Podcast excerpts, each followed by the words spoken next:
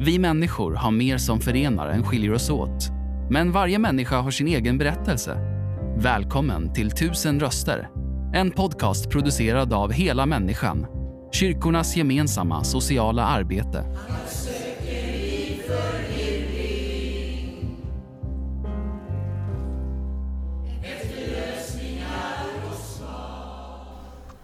Ja, då är vi hos Hela Människans verksamhet här i Jönköping och jag träffar Jenny Magnusson som är 44 år.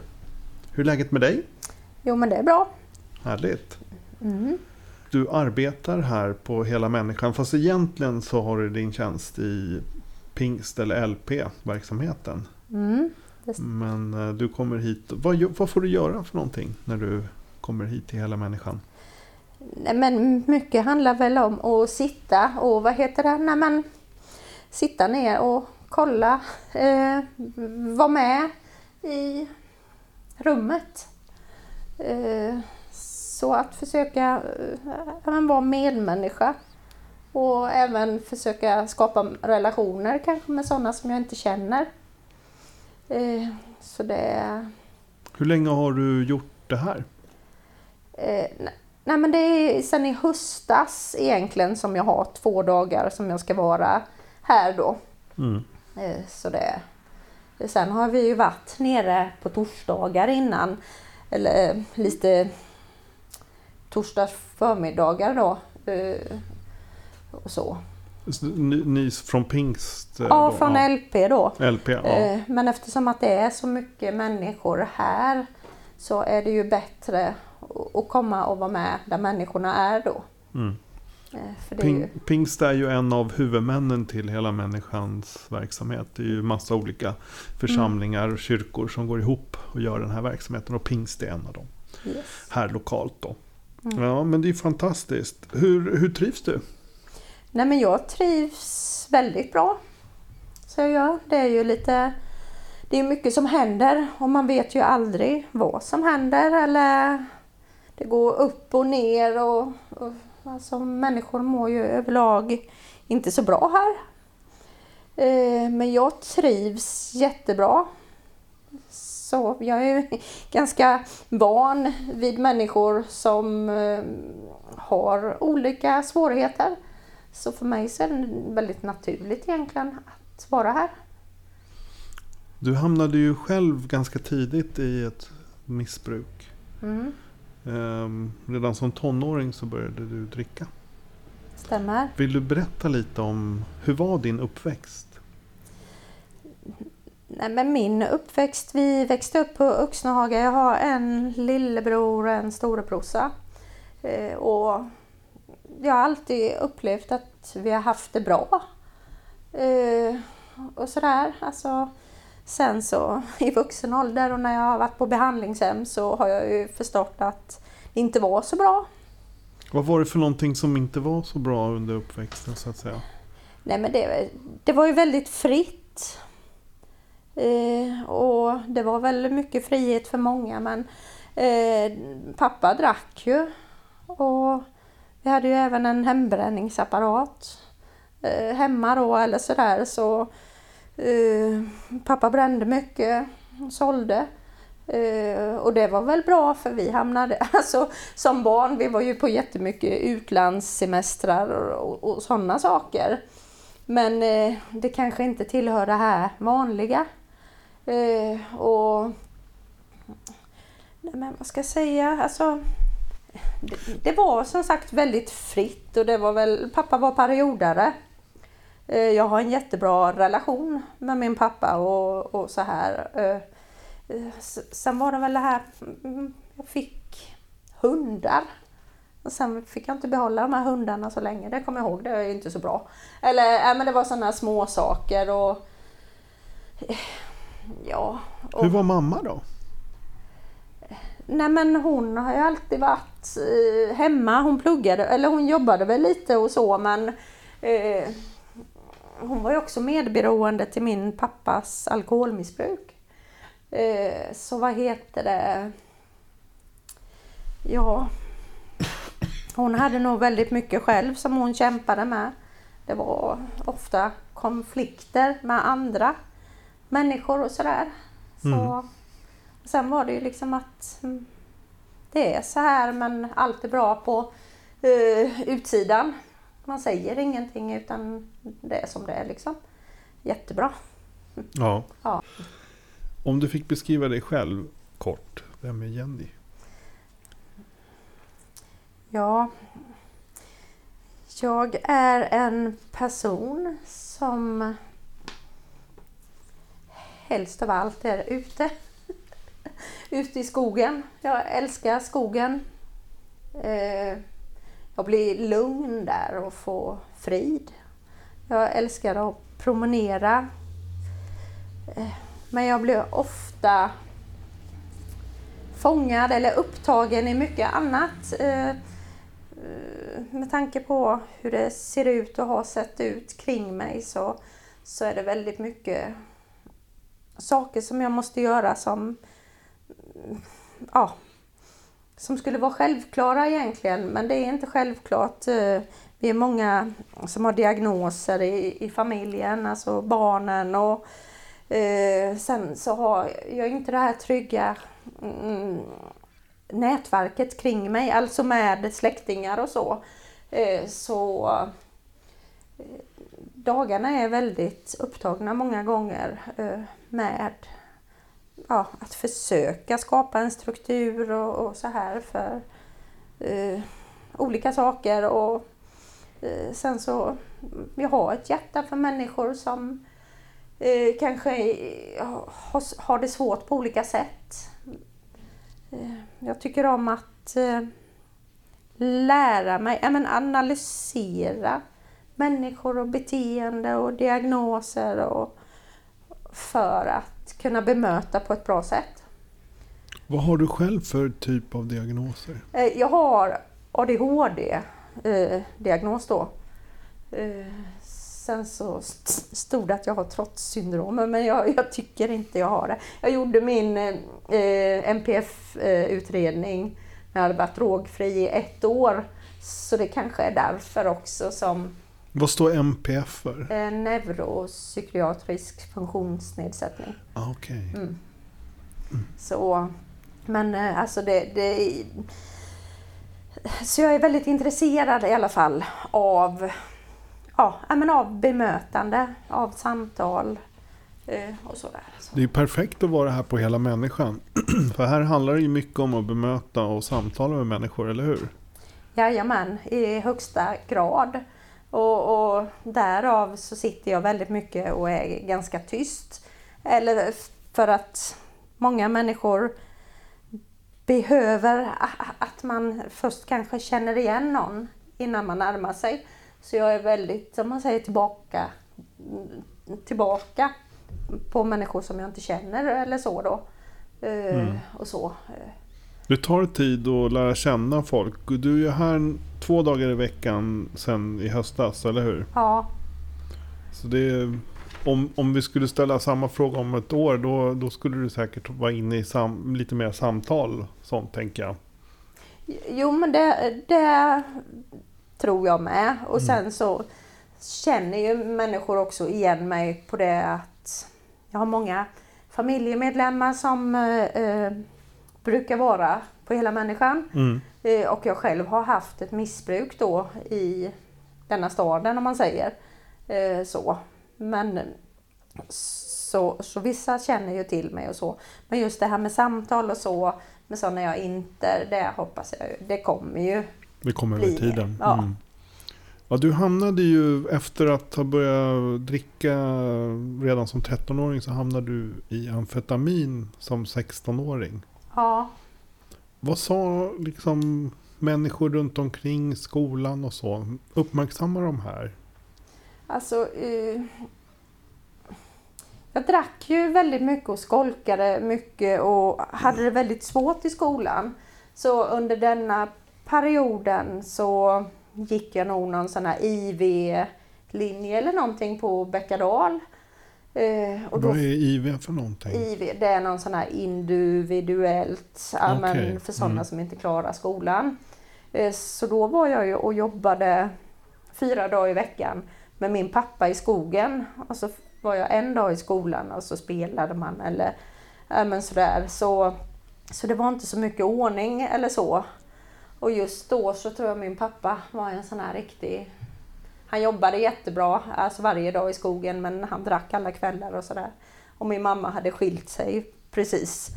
Så, så det var väl bara egentligen och, och men jag festade och var ute med, jag hade skinheads kompisar eh, som jag var, umgicks med i flera år eller sådär.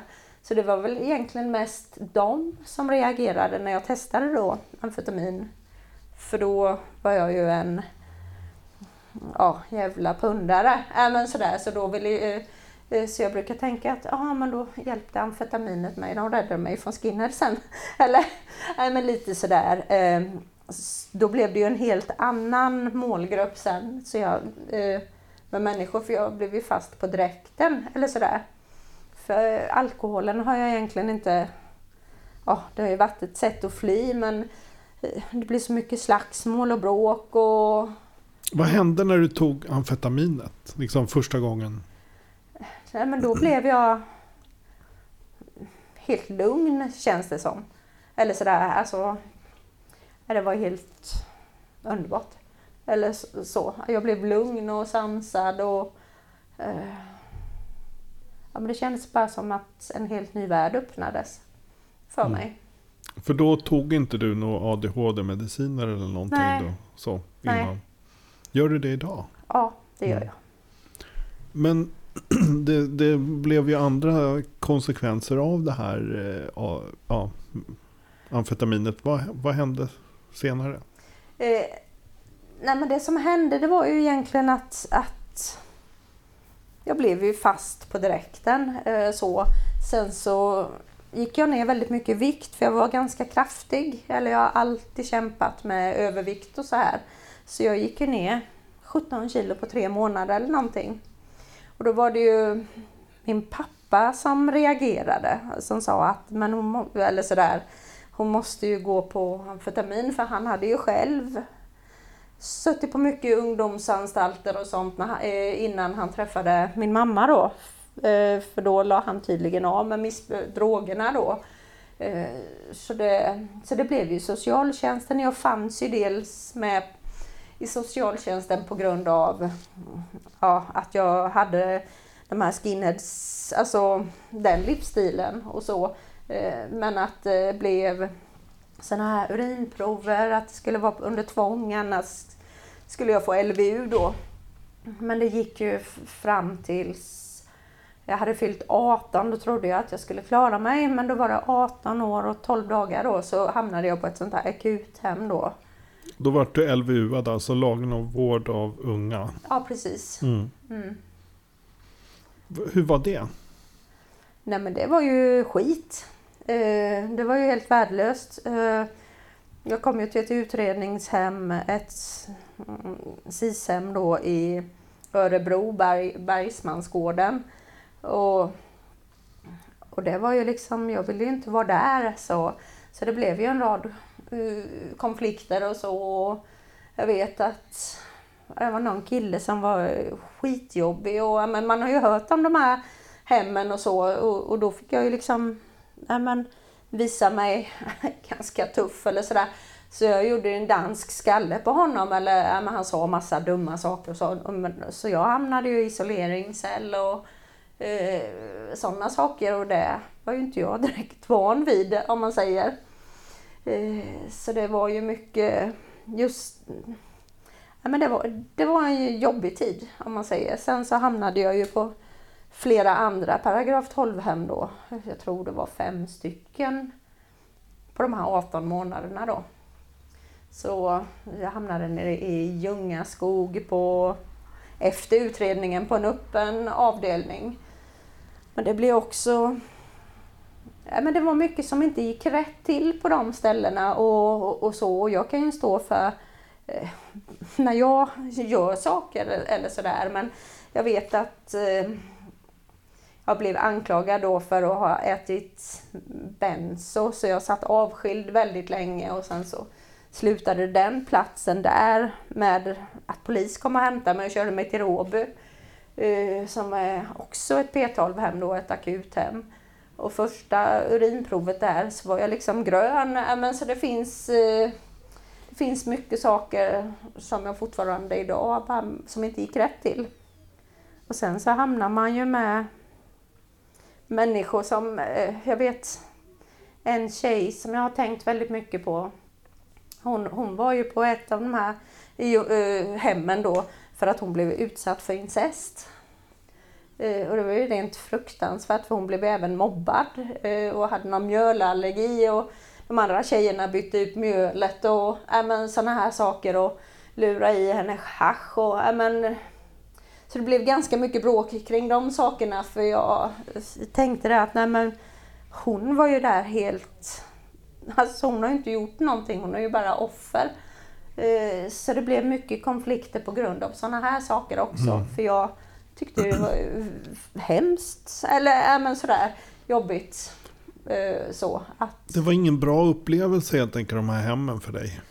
Nej, det var det ju inte. Och, och, och, det hände ju så mycket saker på de olika hemmen. Men som när jag kom till Vemyra då, då stod det i tidningen där uppe att det var sista anhalten. Och där fanns det inga urinprov och, och, och jag menar där skulle man få vara hur lång tid som helst. Och, ja, det var väldigt många utredningar som gjordes som sa att man var helt koko i huvudet. Och, jag funderar på om man kan se de utredningarna, om de verkligen finns kvar. Men det var så mycket eh, som lades ner i mig då som blev väldigt mycket hat. Eh, Fick du någon sorts hat mot samhället då? Ja, dels så hade jag ju fått det eftersom jag var frihetsberövad men det fanns ju tillfällen där de sa att jag var på ett visst sätt och, och som uppe i Vemyra då, det var någon sån här utredning och så bara sa, om det var psykolog eller psykiatriker, så bara, han sa att äh, men, om det skulle springa ut ett barn på gatan så skulle du aldrig rädda det. För du är sån och sån och sån. Uh, alltså om jag kunde förhindra det då. Och det är klart att kan man förhindra att ett barn blir påkört så, så, så gör man det. Så jag förstår inte vad de här teorierna eller vad det grundar sig i eller varför man sa sådana saker. Så det är jättemycket sådana här konstigheter som jag varit utsatt för. Ja, verkligen. Ja. Så sen har jag ju kunnat släppa det, men vissa saker är sådär som kommer tillbaka och jag märkte ju även att det här hatet, det, det blev ju ett problem när jag eh, började jobba då eller sådär också. Hur gammal var du då när du började jobba? Eh, nej men då, det var ju, för jag kom ju ut från eh, de här paragraf 12-hemmen och så började jag ju, ja jag försökte börja plugga eh, så, sen så eh, började jag missbruka igen.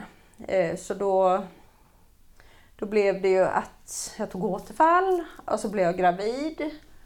Eh, så vad heter det, hade jag ju tänkt att ändå att inte behålla det här barnet men jag kände att jag klarar inte av att göra abort. Eh, för det spelades en Björn Afzelius-låt i mitt huvud hela tiden som min pappa spelade för mig när jag var liten.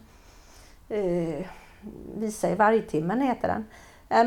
och den här så här, så jag behöll barnet. Eh, och jag hade ett par bra år där, så det var nog 2000 så föddes ju min dotter i mars. Sen så fick jag en dotter till 18 månader senare. Och någonstans där när föräldraledigheten var över då så började jag jobba på ett företag i Tenhult. Eh, Superfoss hette det. Eh, och vad var din fråga? Ja, men du, du, visst vart du drogfri där runt 2000? Ja, ja. ja nej men, och, och, då, byggde jag, då flyttade vi till Tenhult, jag och pappan till de två barnen då.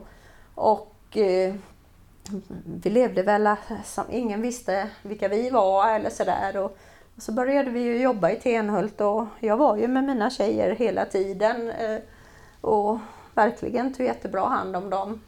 Men på arbetsplatsen sen så också, det var ju så här, man packar burkar på löpande band och avsynar dem och det passade mig perfekt för det ja, när det går fort så jag är bra på det eller sådär.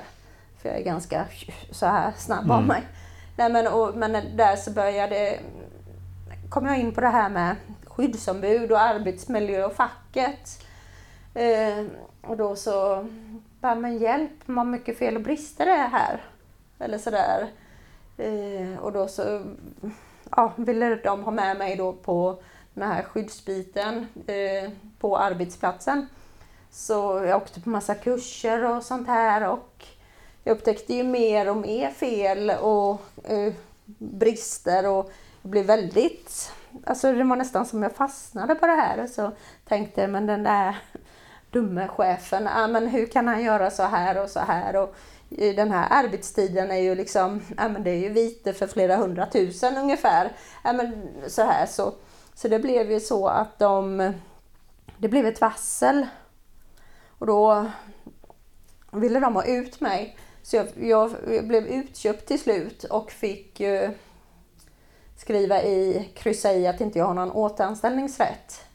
Men idag kan jag ju se att det här var ju någonstans ett driv från hur många, inte alla för det fanns jättebra, men flera använde sina maktpositioner under LVU-tiden då.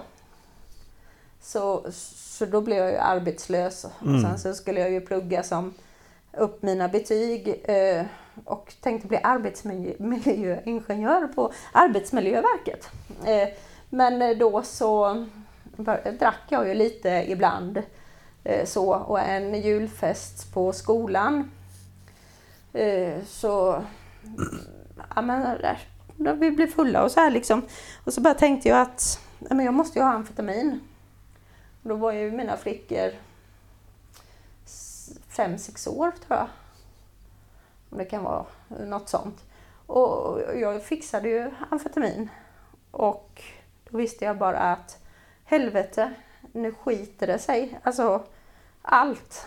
Men hur illa och hur fort det skulle gå, det visste jag ju inte. Vad hände då, då, liksom? Ja, men det var ju som att jag aldrig hade slutat missbruka. Utan jag bara... Ja, men jag blev helt fast igen. Så, så jag började missköta studierna. Eh, barnen, ja, men för de hade ju... Jag var ju alltid med dem. Eh, så, och lekte med dem och hade bra rutiner och allt, allt, allt. Jag gjorde ju allt för dem, för de var ju hela min värld om man säger. Och så, så började den här stressen inombords att jag måste ha pengar, måste ut och fixa pengar. Men det här brottsliga, liksom kriminella beteendena kom ju in. Så de var ju med mig ganska mycket och pappan återföll ju också på grund av detta då. Han var ju inte med på julfesten egentligen. Men det blev ju att vi bägge återföll. Så vi försökte dölja länge. Eh, men barnen var ju med ute på ja, sommarstugor och sådana här onödiga saker. Och lekt spökjakt och försökte dölja. Eh, och jag vet att eh, jag fick ta eh, sådana här sms-lån när min yngsta dotter fyllde år, men för vi hade inga pengar och eh, eh, för just då hade jag ju blivit skuldfri och sådär och sen så sa ju ett av barnen att mamma, man ser i ögonen när någon är dum så här.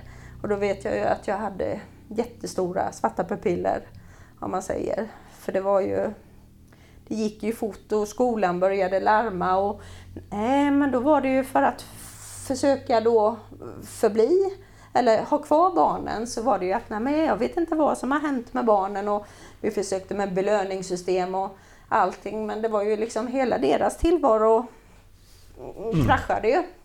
Eh, Hur fort gick det liksom från att du och din dåvarande började missbruka? Jag tror att vi kunde hålla kanske hålla det ett halvår eller så hemligt först när det var Mm. Eh, ja, men, lite, men sen så tar det över liksom. Märkte då sociala myndigheter och skolan att ni var inne i ett missbruk då?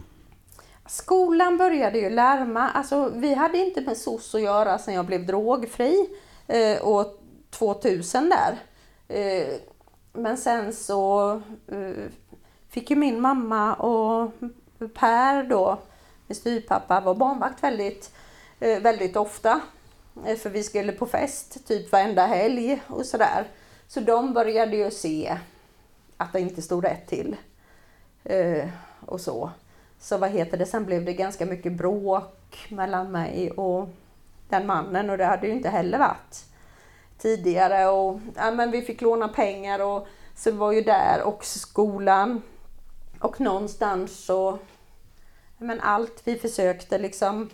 Eh, det var ju dels att inte avslöja missbruket. Men sen blev det ju att ja, men vi kommer LVUa barnen om inte de blir placerade då.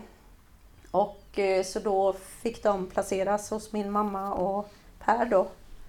Och de bodde där i fem år tror jag. Eller var det fem år? Ja, återfallet var i alla fall fem år, men då var jag på behandling i ett år. Också. Så när, när vart du liksom helt fri från droger? Det var eh, den 23 februari 2010. Mm. Eh, då skulle jag egentligen bli dömd till fängelse. Eh, men fick sån här, ja, skyddet hjälpte mig så jag fick eh, komma till ett familjehem i Österbymo. Eh, och det var en kvinna som hade åtta nordsvenska hästar. Och hon var världens finaste. eh, Så hon visste ingenting om missbruk, hon visste ingenting om kriminalitet. eh, Och så, men hon var väldigt, ja, hon var väldigt lugn och alltså jag gillade henne. Sen förstår jag att hon hade med Jesus att göra. Så. Och hästarna älskade jag. För de dömde inte heller mig eller så. Det, det blev ju väldigt jobbigt när man när jag inser vad jag hade gjort. För jag vet ju att jag stod här uppe i höghuset precis här borta hos min mamma och dem när jag fick min dotter Elin då. Och när hon var nyfödd så, så, så tittade jag på henne och så sa jag liksom att jag förstår inte hur man kan knarka och punda bort sina barn. Eh, jag kan inte förstå det. Och det var ju precis det jag gjorde. Har du återtagit kontakten med dina barn nu? Ja, jag har bra kontakt med dem. Vad gör dig riktigt glad då idag? Vad gör mig riktigt glad? Ja, det är väl när jag lyckas få ut hela familjen på en skogspromenad. Det händer ju inte. Nej, Nej då. Nej, men eh, det är alltid roligt att se när det går väl för någon människa. Eh, Det tycker jag. Eh, Det finns många, eller sådär, Jesus gör mig också väldigt glad. För jag fick ju en tro när jag kom på behandlingshem. Eh, Och utan den tron så hade jag ju liksom inte suttit här idag heller. För att äh, men Jesus gör mig glad. Mm. Det, det är nog det som gör mig mest glad faktiskt. Och sen om, om någon mer, äh, men eh, just när man ser att människor lyfter sig, att det går trots att det inte har gått. Alltså, så, det gör mig jätteglad. Mm. Mm. Vad, I övrigt, vad kan de få för hjälp och stöttning här på Hela Människans verksamhet? Eh, Jag tror ju att de, människor kan få väldigt mycket hjälp. Eh, dels i olika samtal kring myndigheter och, och, och sådana saker. Kläder, eh, ja, men det som kan någonting för det behovet som just sökande kommer med. Men eh, det, det är ju också så att jag tänker att människor här nere som jobbar, de får kämpa väldigt mycket för de här människorna för det är svårare i, med myndigheter och så här idag. Mm. Eh, Vad, vad är skillnaden från när du var ung? Du är ju eh, född 78 då. ja. När du var ung, på 90-talet måste det bli då. Mm. Jämfört med idag. vad gäller myndigheter och få hjälp. Ja, men jag fick ju till exempel ett LVU. Eh, och jag, jag var ju ganska, i sig, jag var ju ganska mycket med äldre missbrukare och, och, och sådana saker. Eh, men eh, jag vet ju hundratals ungdomar som har det så mycket värre. Jag vet 13-åringar som jag har försökt liksom att göra eh, ni måste hjälpa de här eh, för att de säljer sig själva. Nej men det, det är liksom, de får ingen hjälp. Det är överfullt på, eller eh, jag förstår inte vad det är som händer men det, människor får ingen hjälp. Det finns ju hur många föräldrar också som har försökt liksom, med hjälp mitt barn, hjälp mig, eh, som inte får någon hjälp. Det är väl skillnaden, mm. att, att det liksom exploderat i samhället. Är det de senaste åren eller har det varit så här ett tag? Jag har ju brottats med myndigheter ganska mycket då eh, under ett par år och inte fått någon hjälp. Sen så när, när ungdomar blir 18 då blir ju föräldrarna helt avstängda. Eh, och där är det ju... Är det, nej men det, det, man blir så maktlös. Mm. Eh, så det, det är ett tufft samhälle idag. Ja, det är väldigt tufft. Och särskilt tänker jag också för de här då som har NPF-diagnoser som det inte går så bra för i skolan, men man kan, klarar inte av att vara hemma, det blir fel umgänge och så. Och sen så när man ska ut på arbetsmarknaden så fixar man inte det. Och på socialtjänsten så är det alldeles för mycket krav. Också kanske jättemånga inte har en diagnos. Så då hamnar ju så många mellan stolarna. Så Vad skulle man kunna göra då? För att förbättra situationen? Nej men det, eh, det behövs ju sätta in, alltså människor dels behöver ju föräldrar som inte är populära bland eh, tonåringar som kan själv och sånt där. Men att ännu mer på något sätt försöka möta sina unga. Eh, sen är, för det är ju en helt annan, alltså bara internet är ju en helt annan värld. Där finns ju all, alla droger och allting. Men att man bara sätter in insatser Eh, att man syns på stan.